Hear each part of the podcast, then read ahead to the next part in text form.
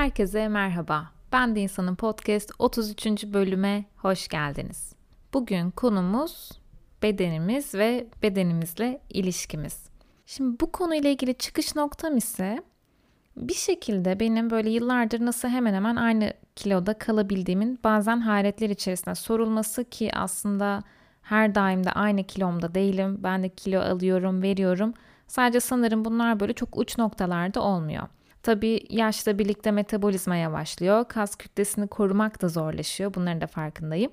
Şimdi zaten bu bölümde nasıl fit kalırız gibi tavsiyeler vermek veya kilo alamamanın, verememenin nedenlerini açıklamak, bu doğrultuda çözümler önermek niyetinde asla değilim.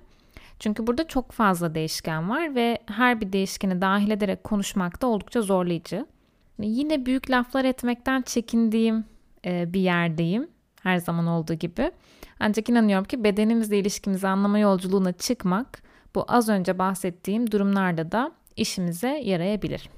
Yani kilo alamıyorsak belki kilo alabilmeye, veremiyorsak verebilmeye de başlayabiliriz ama amaç bu değil. Şimdi ilk olarak ben böyle küçük bir yaşantı paylaşımıyla başlamak istiyorum bu defa.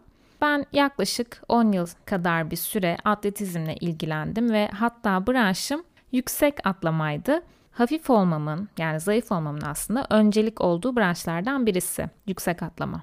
Bu 10 yıllık süre daha çok tabii ergenlik dönemime denk geliyordu ve tabii bu da bir yığın karmaşayı beraberinde getirmişti ergenliğe denk gelmesi bakımından.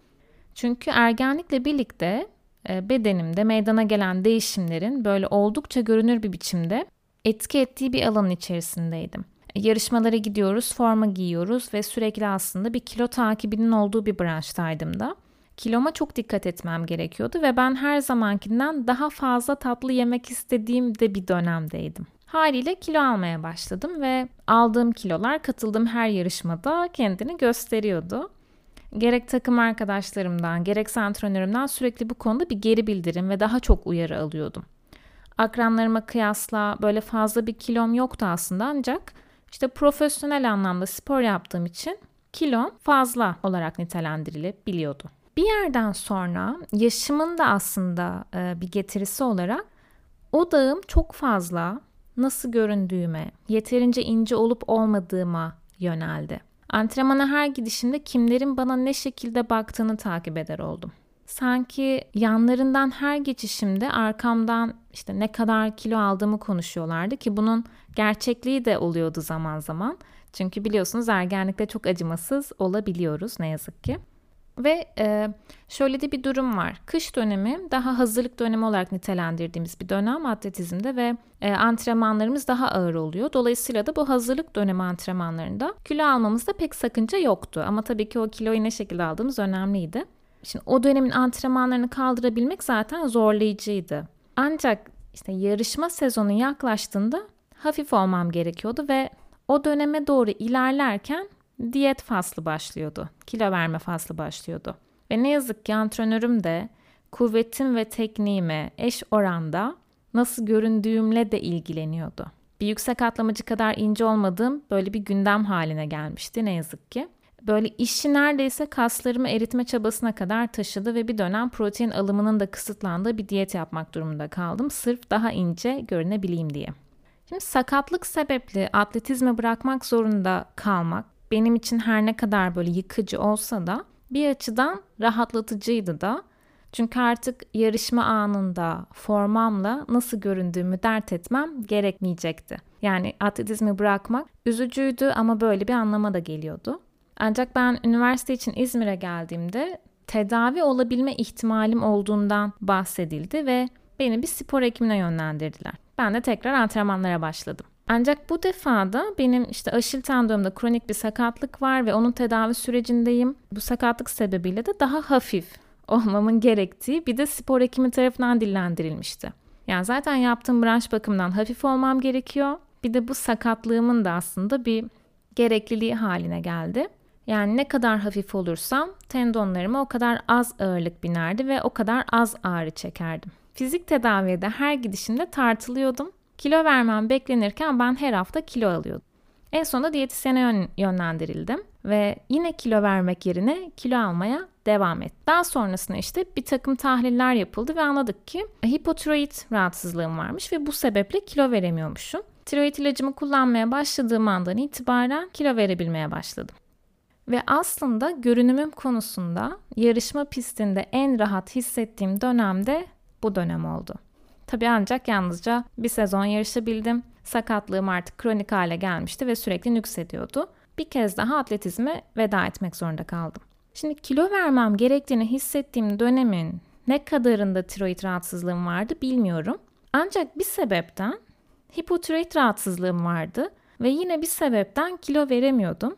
Bedenim o anda kim bilir nelerle mücadele ediyordu ve ben ona e, nesne muamelesi yapıp bir şekil vermeye çalışıyordum. Belli bir görünüme kavuşturmaya çalışıyordum onu. Buna ön ayak olan tabii ki onu sergilenecek bir nesne gibi görmeme sebep olan bazı yetişkinler ve devamında da zorbalık yapan akranlarımdı ve ben de bunu sürdürmüştüm. Duygusal dünyamızda yaşadıklarımız bedenimizden, bedenimiz duygularımızdan asla bağımsız değil. Tiroidden bahsederken bile bir sebepten ben de bu rahatsızlığın başladığını söyledim. Evet genetik faktörler var. Annemde de bu rahatsızlığın olması bazıları için bende de bu rahatsızlığın olmasına net bir cevabı olabilir. Ancak bence durum bununla sınırlı değil. Şimdi fazla stresin bedenimize neler yapabildiğini artık biliyoruz. Duygu dünyamızda sindirmekte zorlandığımız meselelerin bedenimizde de benzer bir hazımsızlığı hissetmemize sebep olduğunu da biliyoruz. Bu örnekler çoğaltılabilir ve hatta neden sonuç ilişkisi her zaman aynı doğrultuda olmayabilirdi. Bazen bedensel rahatsızlıkların hayatımızda bir takım işlevleri de olabiliyor. Yani yüzleşmek istemediğimiz durumların öncesine rahatsızlanmak ve hatta sesimizin kısılması gibi. Kilo almanın ve alamamanın da biz farkında olmasak da bir işlevi bulunabiliyor.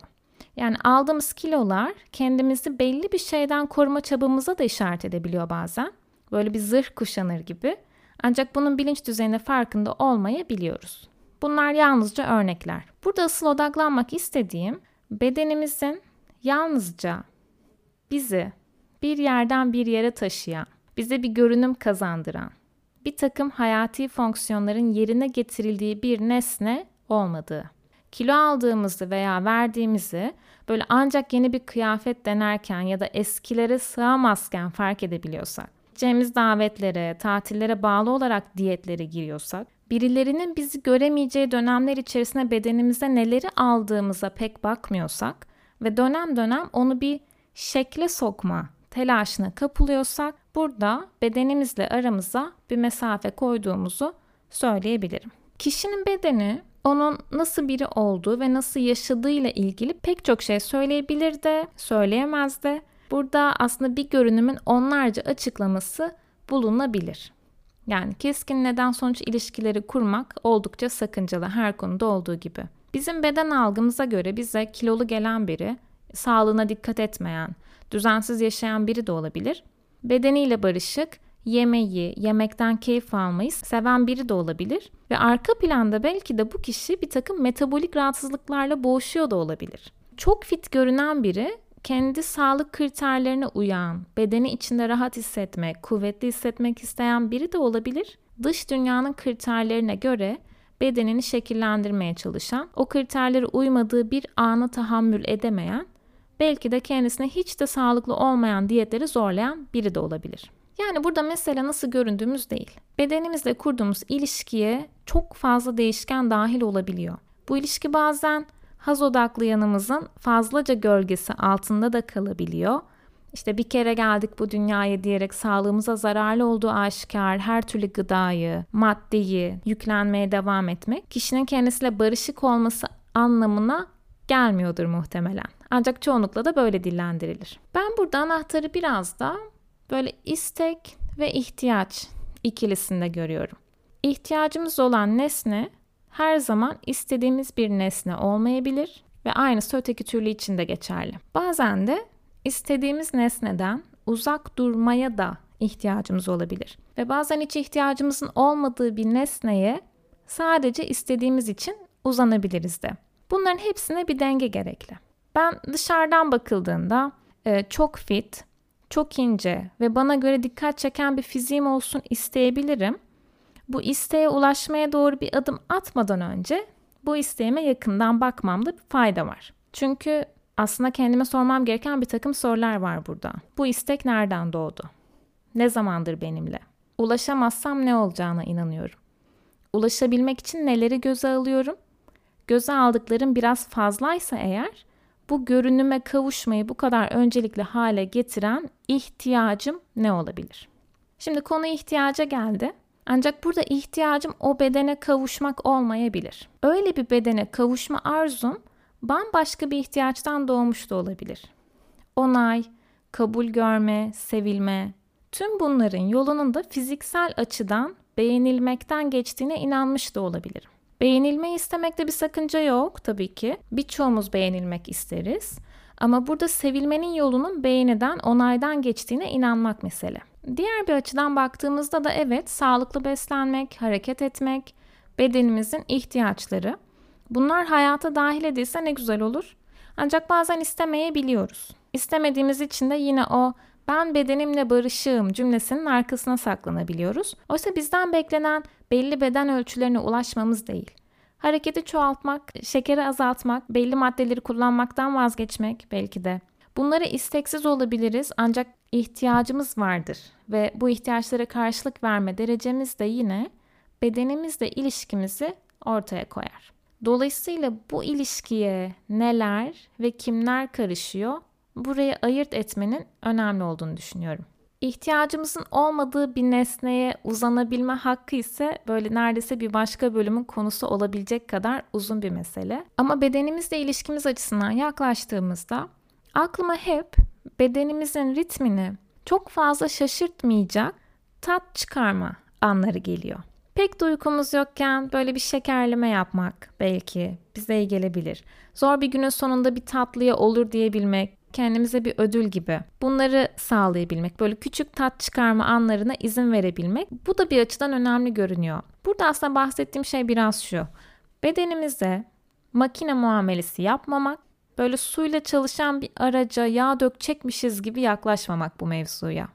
Burada da çünkü bir aşırılık söz konusu. Şimdi ben bu bölümün kapanışını da yine bir alıntıyla yapmak istiyorum. Pontalis'in Bir Adam Yok Oluyor kitabından bir alıntı. Diyor ki, sözleri tam anlaşılmıyor. Hayır, adam iyi telaffuz edemediği için değil. Sesi o kadar yüksek ki sözlerini gizliyor. Her türlü aşırılık bir şeyleri gizler ardında aslında artık bunu biliyoruz. Bu sağlığına, bedenine aşırı dikkat için de, aşırı özensizlik için de geçerli aslında. Bedenimiz içsel dünyamızdaki aşırılıkları öyle güzel ortaya koyuyor ki yani e, bu mesele sıkça söylendiği gibi öyle yalnızca kişinin kendisine duyduğu ya da duyamadığı, duymadığı saygıyla ilgili de değil. Bedenimizle ilişkimize çocukluğumuz karışır, anne baba karışır, yıllardır öğrendiklerimiz, öğrenemediklerimiz karışır. Kendimize ilişkin, ötekine ilişkin, hayata, ilişkilere ilişkin inançlarımız karışır. Bütün bu karışanlar kocaman bir yumak gibi görünebilir. Ancak ardında gizlenenlere ulaşabilmek için ipi bir yerinden çekmek gerekir. Şimdilik bu kadar olsun. Sonraki bölümde görüşmek üzere.